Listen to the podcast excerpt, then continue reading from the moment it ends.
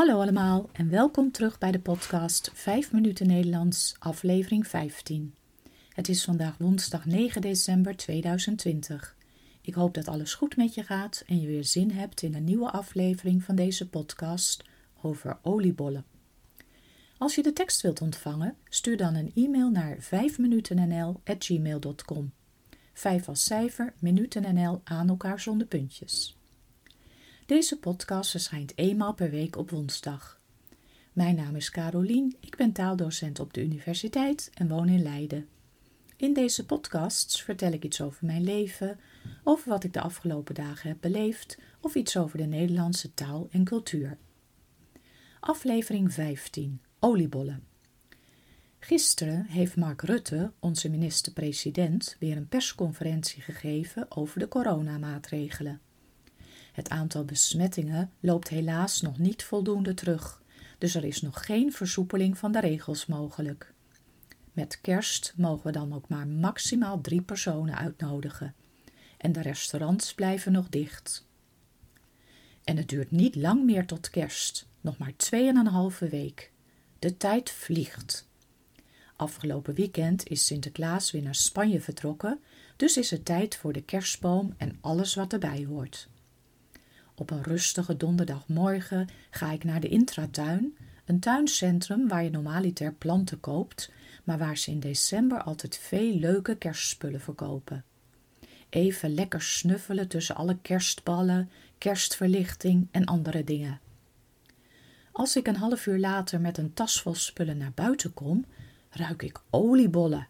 Mmm, dat ruikt lekker. Voor de ingang van het tuincentrum staat oliebollenkraam Van den Houten. Heb je wel eens oliebollen gegeten? Wij eten ze normaliter altijd met oud en nieuw. Om twaalf uur s'nachts gaat dan de champagne open en daar eten we een oliebol bij, om zo het nieuwe jaar in te luiden. Maar nu zijn er dus ook al oliebollen. Ik kan de verleiding niet weerstaan en loop naar de kraam. Daar begin ik een praatje met Antoinette, die samen met Wijnand de oliebollenkraam runt.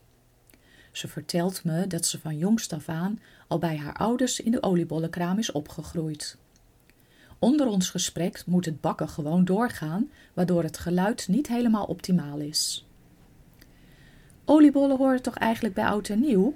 Verkopen jullie nu al veel oliebollen? Jazeker. Het mag eigenlijk gewoon de hele winter door.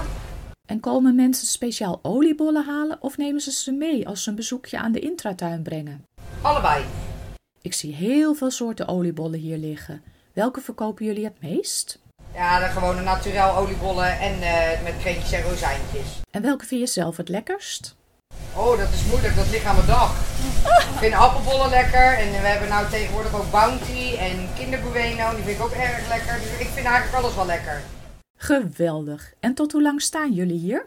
Wij zijn hier sowieso tot en met de eerste week van januari. En dan uh, ruimen we de boel weer op. En dan zullen we gaan openen tijdens de opening van de intratuin in Lisse. Want wij verhuizen mee. Oh, wat leuk. En hoe laat gaan jullie open? Wij gaan om 11 uur open. Wij hebben altijd zeker anderhalf uur van tevoren nog werk nodig voor het beslag te maken, laten reizen. En op maandag zijn wij gesloten. En we zijn een paar keer nu op dinsdag dicht geweest, omdat ik een storing had qua stroom. Dat kan gebeuren, dan gaat er wat kapot en dan moet het eerst gemaakt worden. En verder ja, zijn we eigenlijk tot om 11 uur open.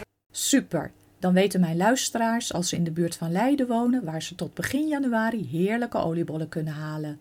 En als ze in de buurt van Lisse wonen, kunnen ze daar begin volgend jaar terecht. Ik fiets met mijn kerstspullen en de oliebollen snel naar huis. Ze zijn namelijk nog warm en zo het allerlekkerst. Je bestrooit ze een beetje met poedersuiker voor je ze opeet. Zo zijn ze nog lekkerder. Dit was 5 minuten Nederlands voor vandaag, maar voor ik afsluit heb ik nog een vraag aan jullie.